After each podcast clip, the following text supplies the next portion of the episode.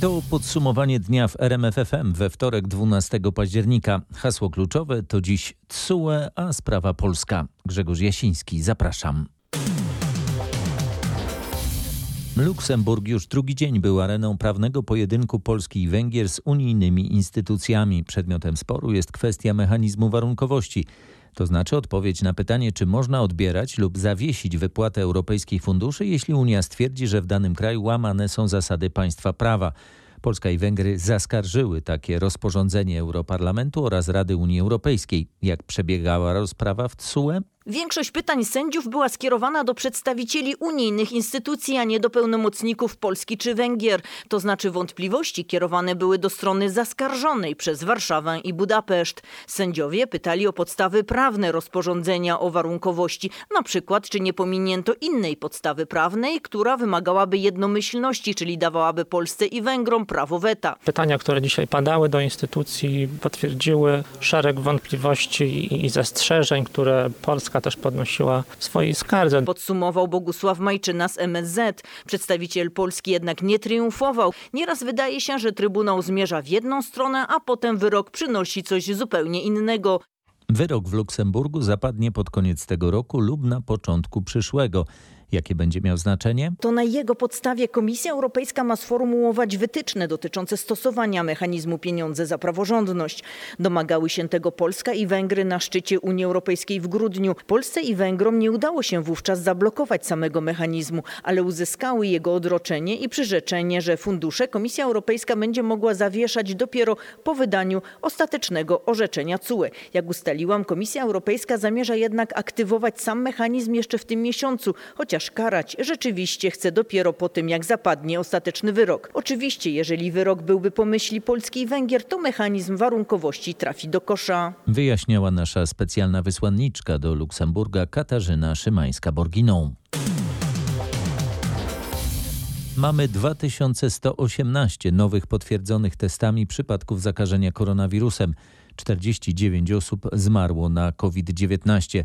Takie są dane z opublikowanego dziś raportu resortu zdrowia. Jak te liczby wyglądają w porównaniu z wcześniejszymi danymi? To blisko 60% wzrost w skali tygodnia. W ubiegły wtorek zakażeń było tylko 1325. Liczba zakażeń przekraczająca 2000 to poziom poza ubiegłym tygodniem ostatni raz odnotowany w maju, kiedy nie można było jeszcze mówić o istotnym udziale zaszczepionych w całej populacji. Największa dziś liczba nowych zakażeń, blisko 500, przypada na województwo lubelskie, gdzie liczba zaszczepionych jest stosunkowo najmniejsza. Kolejne są mazowieckie, ponad 300 zakażeń i podlaskie, powyżej 200 przypadków. W szpitalach szpitalach jest ponad 2600 chorych na COVID. Z respiratorów musi zaś korzystać 239 pacjentów. Podsumowywał Tomasz Skory. Nową propozycję porozumienia z Ministerstwem Zdrowia zaprezentują jutro medycy protestujący od miesiąca w Białym Miasteczku w Warszawie. W nowym porozumieniu bardzo dokładnie opisane mają być warunki dotyczące płatnych urlopów zdrowotnych dla medyków. Takie urlopy są niezbędne, podkreśla przewodnicząca Związku Pielęgniarek i Położnych Krystyna Ptok. My mówimy o konieczności tego urlopu. Przykład pielęgniarki, która żyje 62 lata średnio, a przeciętna Polka żyje 82 lata. Czyli jej praca jest ciężka w y, trudnych warunkach fizycznych, chemicznych, które powodują uszczerbek na zdrowiu. O nowych pomysłach medycy chcą rozmawiać już tylko z dwiema osobami, z ministrem zdrowia albo premierem. Potrzebujemy osoby decyzyjnej, minister Niedzielski lub pan premier Morawiecki. Tak sprawę stawia dr Artur Drobniak z Naczelnej Rady Lekarskiej. Dramatyczna sytuacja oddziałów dziecięcych w Małopolsce w regionie zaczyna brakować wolnych łóżek dla małych pacjentów. Coraz więcej dzieci wymaga hospitalizacji. Jak twierdzą lekarze, wzrost zachorowań bezpośrednio związany jest z powrotem do szkół i przedszkoli. Najczęstszą przyczyną zachorowań jest wirus RSV, mówi dr Katarzyna Przybyszewska ze Szpitala imienia Świętego Ludwika w Krakowie. Jest bardzo dużo infekcji wirusem RSV. W tej chwili zwiększa się też udział rinowirusów i wirusów paragrypy. Myślę, że odrabiamy to, że dzieci nie chorowały w czasie pandemii. Musimy odrobić fakt braku kontaktu przez zeszły rok. Na nadzwyczajnym posiedzeniu posiedzeniu w Urzędzie Wojewódzkim z dyrektorami szpitali podjęto decyzję o zwiększeniu liczby łóżek dla dzieci, bo tych w całym regionie zaczyna brakować. E, uda się uruchomić łącznie o 129 dodatkowych łóżek. W większości będą to mm, dostawki. Mówił wojewoda małopolski Łukasz Kmita. Relacjonował nasz reporter Marek Wiosło. Nie rozliczyliśmy się do końca z trzecią falą i popełniamy te same błędy, co w ostatnim szczycie pandemii, mówili w Krakowie uczestnicy ogólnopolskiej konferencji Medycyna wobec współczesnych wyzwań ekonomicznych, prawnych i społecznych.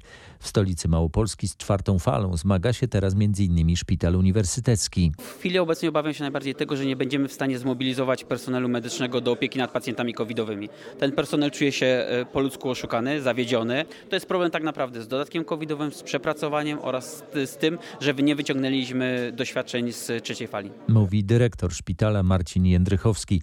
Jednym z tematów konferencji jest także cyberbezpieczeństwo w służbie zdrowia. Eksperci przestrzegają, czym może skończyć się atak cyberprzestępców na szpital. Dane, które są zgromadzone w placówkach ochrony zdrowia, to są dane wrażliwe. Tam mamy dane indywidualne każdego pacjenta, ale także dane niezwykle wrażliwe, dane na temat stanu zdrowia, stanu psychicznego, stanu emocjonalnego także te elementy, które są teraz związane z pandemią. Mówił organizator krakowskiej konferencji profesor Zbigniew Żubar.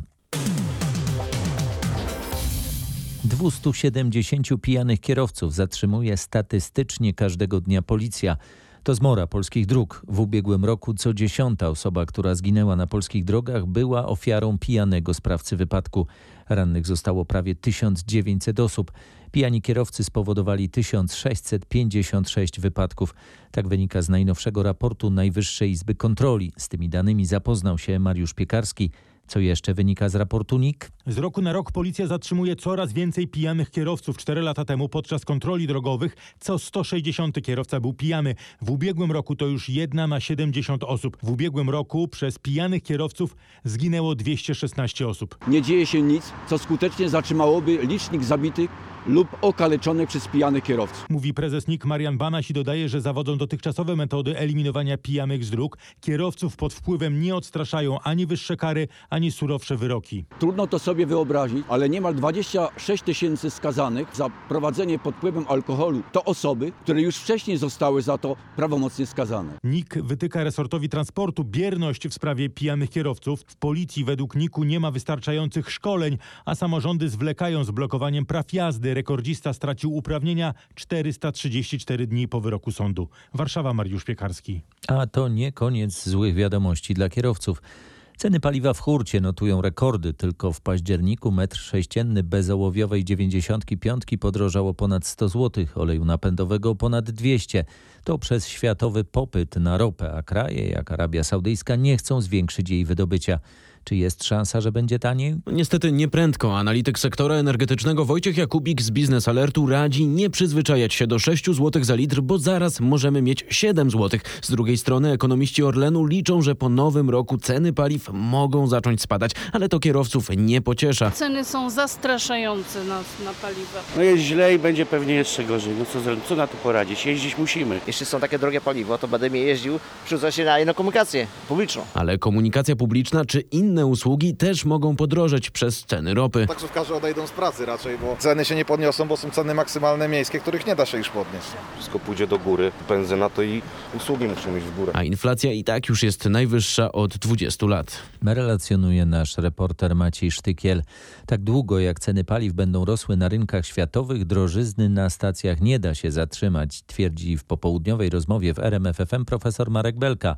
Nasz dziennikarz Paweł Balinowski zapytał posła do Parlamentu Europejskiego, byłego premiera i przed laty prezesa Narodowego Banku Polskiego o sposób na paliwowe rekordy cenowe. Jedynym elementem, który mógłby zatrzymać albo spowolnić wzrost ceny na stacjach benzynowych, to jest wzmocnienie złotego. Na to potrzeba byłoby konsekwentnej polityki banku centralnego, który by która, która by spowodowała, że złoty zacząłby się wzmacniać. W 2004 roku chyba zdaje się pana rząd obniżył akcyzę na paliwo o 5 groszy na litrze. Namawiałby pan, żeby zrobić to również teraz? No, ten rząd potrzebuje pieniędzy dla różnych, że tak powiem, instrumentów prowyborczych i w związku z tym raczej ma skłonności do podnoszenia akcyzy i innego rodzaju opłat. Cała rozmowa jest na rmf24.pl.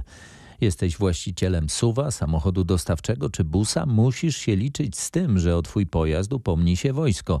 Rada Ministrów opublikowała projekt rozporządzenia ustalający nowy limit pojazdów, które w przyszłym roku mogą być zajęte na cele obronności kraju. W dokumencie znalazł się zapis, że ten limit ma wynosić 716. Jest to ponad 5% wyższy niż w tym roku. A o tym, że pojazd trafi na listę, właścicieli informują organy samorządowe. Od takiej decyzji można się odwołać do wojewody. Przewidziano, że w przeważającej większości takie zajęcie samochodu będzie trwać dobę. Może być jednak i dłuższe. Za wykorzystanie aut właścicielowi przysługuje ryczałt w wysokości średnio 300 zł na dzień. Państwo ponosi też wszelkie koszty związane z likwidacją ewentualnych uszkodzeń. Jak napisano w uzasadnieniu, zajęte samochody mają pomóc przede wszystkim w sprawdzeniu gotowości mobilizacyjnej jednostek wojskowych. Mogą też być wykorzystywane przy usuwaniu klęsk żywiołowych. Informuje Krzysztof Zasada. Od zeszłego piątku utrzymują się długie kolejki tirów do przejścia granicznego z Białorusią w Bobrownikach. Jaki teraz jest czas oczekiwania i z czego wynika? Kierowcy na odprawę muszą czekać nawet 30 godzin. W weekend ruch na granicy przeważnie jest większy, ponieważ kierowcy chcą jak najwcześniej rozpocząć nowy tydzień pracy. W piątek jednak po stronie białoruskiej doszło do awarii systemu informatycznego. Usterkę już usunięto, ale tak szybko nie da się rozładować ruchu na granicy. Na pozostałych przejściach granicznych jest zdecydowanie lepiej. W Koroszczynie i Kuźnicy na wjazd na Białoruś czeka się około 10 godzin. Informuje nasz reporter Piotr Bułakowski. Sąd apelacyjny w Poznaniu podtrzymał dziś wyrok pierwszej instancji wobec Tomasza J. Mężczyzna w sierpniu został skazany na dożywocie za zabójstwo pięciu osób i celowe doprowadzenie do wybuchu kamienicy na poznańskim Dębcu w marcu 2018 roku. Orzeczenie jest już prawomocne. To prawda, a skazany o warunkowe zwolnienie będzie mógł się ubiegać po 30 latach. Dodatkowo sąd odebrał Tomaszowi od prawa publiczne na 10 lat. W uzasadnieniu dzisiejszego wyroku sędzia Maciej Świergosz wskazał, że zebrane przez śledczych dowody są wystarczające, by uznać winę skazanego. Wskazują też dokładnie na jego motywację i pozwalają uznać, że zasądzone w sierpniu dożywocie to kara zasadna i sprawiedliwa. Dodał przy tym, że to najsurowsza możliwa kara, ale cytuję, trudno wyobrazić sobie osobę, która bardziej na nią zasługuje niż Tomasz J. Przypomnę, mężczyzna 3,5 roku temu najpierw zamordował swoją żonę, znieważył jej zwłoki i poprzez odkręcenie zaworu z gazem doprowadził do wybuchu kamienicy. W eksplozji zginęły jeszcze cztery osoby. Mężczyzna odpowiadał przed sądem także za usiłowanie zabójstwa 34 mieszkańców, którzy przebywali wtedy w budynku. Jego obrońcy po dzisiejszym orzeczeniu nie wykluczają kasacji. Informuje nasz reporter Mateusz Chłystun, z którym się nie rozstajemy. Donosi bowiem także, że mężczyzna, który w niedzielne popołudnie doprowadził do tragicznego wypadku w Gorzowie Wielkopolskim, usłyszał prokuratorskie zarzuty. Jak wcześniej informowaliśmy, prowadzony przez niego samochód po kolizji z innym autem zjechał na chodnik i uderzył w jadącego rowerem czterolatka. Chłopiec zginął na miejscu. Za co odpowie kierowca? Za spowodowanie wypadku ze skutkiem śmiertelnym i ucieczkę z miejsca zdarzenia, za co grozi mu do 12 lat więzienia. Jak przekazał rzecznik gorzowskiej prokuratury, 38-latek przyznał się do winy i złożył wyjaśnienia. Sąd przychylił się też do wniosku śledczych o trzymiesięczny areszt dla podejrzanego. Przypomnę, mężczyzna po niedzielnej tragedii uciekł z miejsca wypadku pieszo. W gorzowskiej komendzie ogłoszono wtedy alarm, po którym ruszyła obława. W ręce śledczych kierowca wpadł wczoraj późnym popołudniem. Ukrywał się w jednym z gorzowskich hoteli Relacjonował Mateusz Chłystun. Prokuratura ma już komplet opinii w postępowaniu dotyczącym delegalizacji Stowarzyszenia Obóz Narodowo-Radykalny, dowiedział się reporter RMFFM Krzysztof Zasada. Śledczy z Krakowa na wniosek prezydentów Warszawy i Gdańska mają zdecydować, czy wystąpią do sądu o delegalizację ONR. Kiedy ma zapaść ta decyzja? No jak usłyszałem, nie wcześniej niż w przyszłym miesiącu. Prokurator, który pracuje nad stanowiskiem, analizuje teraz wszystkie trzy opinie, które dotarły do śledczych. A z naszych ustaleń wynika, że dwie pierwsze mogły dawać podstawy do delegalizacji tego stowarzyszenia. Śledczy zamówili jednak trzecią opinię w Instytucie Dziedzictwa Myśli Narodowej pod dyrekcją Jana Żaryna. Jego specjaliści stwierdzili natomiast, że nie ma żadnych podstaw, by uznać działalność ONR za nielegalną.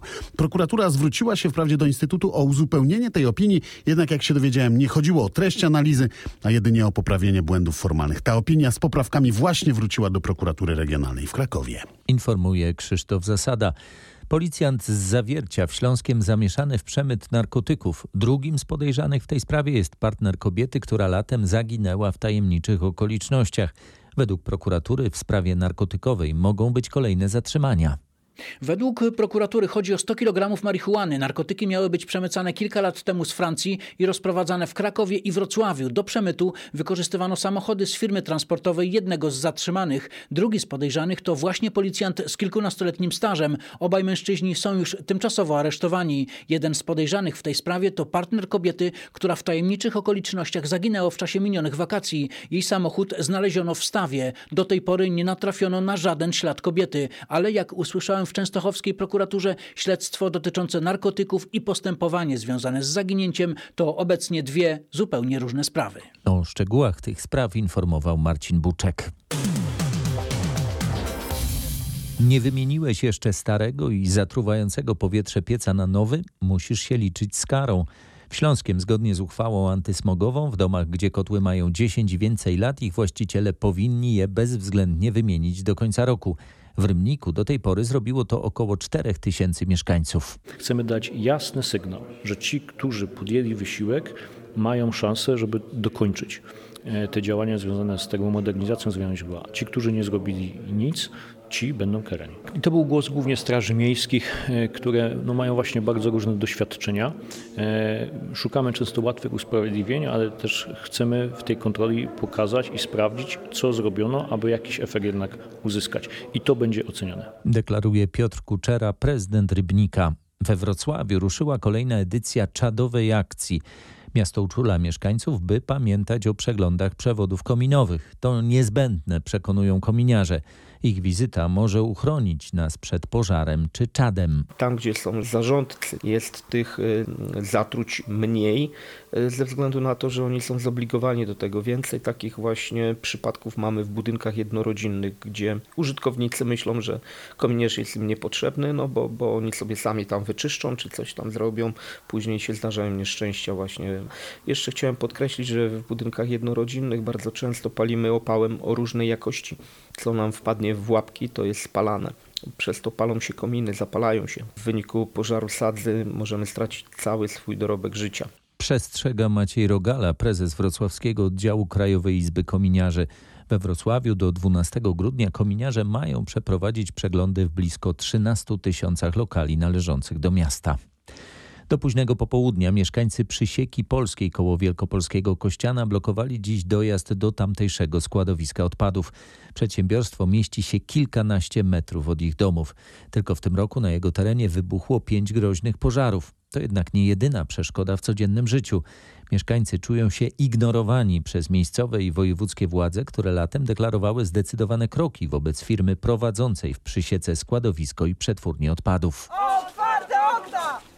Otwarte okna! My nie mamy czym oddychać, a to czym oddychamy to jest cała tablica rakotwórczych substancji. Interwencji było naprawdę bardzo wiele. I śmieci dalej do przysieki przyjeżdżają. Do, dzisiaj od 6 przyjechało już 8 tirów. Od 6 rana. Wielki hałas rozpoczyna się o godzinie 10 i trwa prawie przez całą noc. Walenie, stukanie. Cały czas piszemy i monitorujemy o tym i myślę, że to jest najważniejsze i w tej chwili wie też o tym marszałek. Nam wysyłają to, co się dzieje na firmie, marszałkowi też. Nasze dzieci!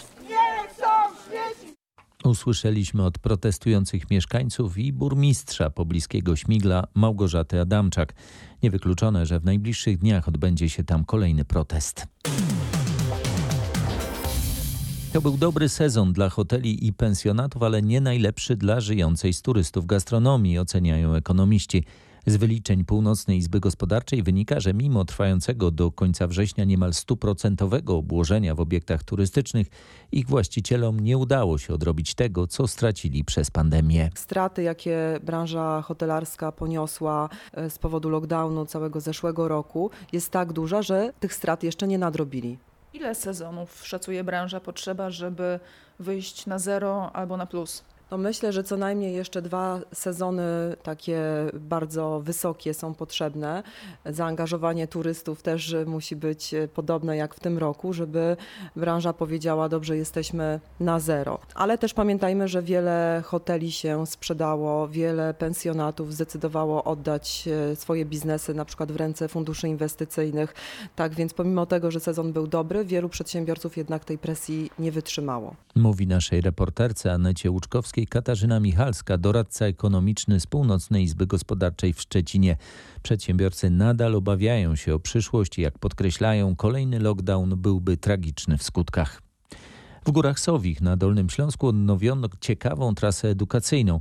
Znajdziemy ją między miejscowościami Rościszów a Kamionki. Ma nieco ponad 7 kilometrów i idealnie nadaje się na spokojny spacer. Ścieżka ma przede wszystkim e, walor e, też edukacyjny. O tym na przykład dlaczego las jest samowystarczalny. O tym dlaczego e, trzeba dokarmiać zimą zwierzynę. Pokazuje grzyby, które są jadalne, których jednak nie warto zbierać. Przechodzimy obok starego kamieniołomu, przechodzimy koło drewnianego kamienia. Bardzo fajnym miejscem, bardzo ciekawym miejscem jest Siedem Suwek. Jest to jeden z najmłodszych pomników przyrody na Dolnym Śląsku. A z tym miejscem związana jest legenda, e, która mówi o powstaniu Górsowich. Mówił Sławomir Szel z Urzędu Miasta i Gminy w Pieszycach. Ci, którzy przejdą trasę, mogą liczyć na pamiątkową pieczątkę. Granicę dwóch milionów przekroczyła właśnie liczba osób zarejestrowanych w polskiej bazie potencjalnych dawców szpiku. Jednym z pierwszych dawców w naszym kraju jest pani Renata Rafa, która taki zabieg przeszła w 2009 roku. Rozmawiał z nią nasz reporter Michał Dobrołowicz. Z perspektywy 12 lat, co pani dało to, że została pani dawcą szpiku? Ogromną satysfakcję, że mogłam uratować komuś życie i wiem, że mój bliźniak genetyczny żyje i miewa się dobrze. Jak wyglądała sama procedura? Nic strasznego. Można to porównać do pobierania krwi. E, krew sobie po prostu przepływa, odseparowują się te komórki macierzyste. Procedura oddania szpiku teraz odbywa się zgodnie z dodatkowymi zasadami sanitarnymi? E, tak, w ośrodkach, które zajmują się pobieraniem komórek krwiotwórczych są specjalne strefy, ścieżki dla tych dawców po to, żeby zmniejszyć ryzyko narażenia na infekcję COVID-19 podkreśla hematolog profesor Sebastian Gibel. Dawcą szpiku może zostać każda zdrowa osoba, która ma więcej niż 18, a mniej niż 55 lat. Jutro obchodzić będziemy ogólnopolski Dzień Dawcy Szpiku. Już jutro rusza też sprzedaż biletów na tradycyjny koncert charytatywny dla schroniska dla bezdomnych zwierząt w Krakowie. Tegoroczna edycja koncertu Granie na szczekanie już 29 listopada w Teatrze imienia Juliusza Słowackiego w Krakowie. Będą sławy w tym roku Wiki Gabor, Robert Chojnacki, Future Folk, Andrzej Sikorowski, Ola Królik, Jacek Królik, Mirosław Hady, Endo Power, Paweł Tymiański. Jak co roku podczas koncertu odbędzie się aukcja e, charytatywna. Tak naprawdę wyposażenie schroniska w tej chwili, które jest, te wszystkie nowoczesne sprzęty, to wszystko są przedmioty, które zostały zakupione dzięki dzięki koncertom e, grania na szczekanie. Zapewnia Joanna Repel z Krakowskiego Towarzystwa Opieki nad Zwierzętami.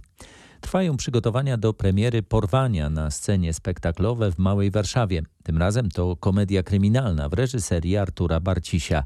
Jedyne źródło utrzymania głównego bohatera zostaje zlikwidowane przez skorumpowanego ministra więc on decyduje się na tytułowe porwanie. Ale ponieważ jest kompletnym amatorem i poza tym, że porwał, to dalej już nie wie, co z tym zrobić, zaczyna być bardzo zabawnie i co chwilę się wszystko jeszcze bardziej komplikuje. Sztuka jest napisana fantastycznie. To, co w komedii lubię najbardziej, czyli im bardziej serio, tym bardziej śmiesznie. W obsadzie m.in. Piotr Grabowski, Antoni Pawlicki i Marcin Perchuć. Premiera w piątek. W weekend minęło dokładnie 100 lat od powstania w Lwowie Polskiego Związku Łyżwiarskiego. Mało kto pamięta o tym, że łyżwiarz Szybki był pierwszym reprezentantem Polski na Igrzyskach Olimpijskich. Nie mogliśmy wystartować w 1920 roku. W związku z tym szansę na pierwszego polskiego olimpijczyka mieliśmy w następnych igrzyskach, które były wyznaczone w 1924 roku w Paryżu. Ale igrzyska paryskie składały się z trzech części. Pierwsze dotyczyło sportów zimowych i nazywało się to tygodniem sportów zimowych rozegranych w Chamonix. I pierwszą konkurencją, jaką tam rozegrano, było łyżwiarstwo szybkie. I startował w nich Leon Jucewicz, zajmując w sumie najwyższe miejsce stałej polskiej reprezentacji, bo w wieloboju y, łyżwiarskim zajął ósme miejsce. Profesor Dariusz Tchórzewski z Akademii Wychowania Fizycznego w Krakowie podkreśla, że powoływanie związków sportowych miało wtedy silne znaczenie patriotyczne. Bardzo szybko władze państwowe, rodzącego się e, wtedy państwa, podjęły decyzję, że musimy być jako e, Polska widoczni na arenie międzynarodowej. Było to pokłosiem e, Igrzysk sztokholmskim w 1912 roku, gdzie startowało w barwach paraliz zaborczych bardzo dużo Polaków i bardzo było to dobrze odebrane przez y, naszą ludność na, na e, terenach y, Austrii, Rosji czy Prus. W związku z tym zdawano sobie sprawę, że jeżeli wystąpimy na Igrzyskach Olimpijskich jako Polska, to będzie to dużym y, wsparciem i naszej sprawy, bo przecież nie mieliśmy ustalonych granic, a konferencja w Paryżu dopiero się wtedy y, rozpoczynała. Władze odrodzonego państwa polskiego starały się jak najszybciej włączyć nasz kraj w ruch olimpijski. Opóźniła to jednak wojna polsko-bolszewicka. Dopiero po, po zwycięskiej kampanii y, powrócono do tworzenia ruchu sportowego i pozostałe związki sportowe właśnie w, od połowy 2021 roku y, dalej się organizowały.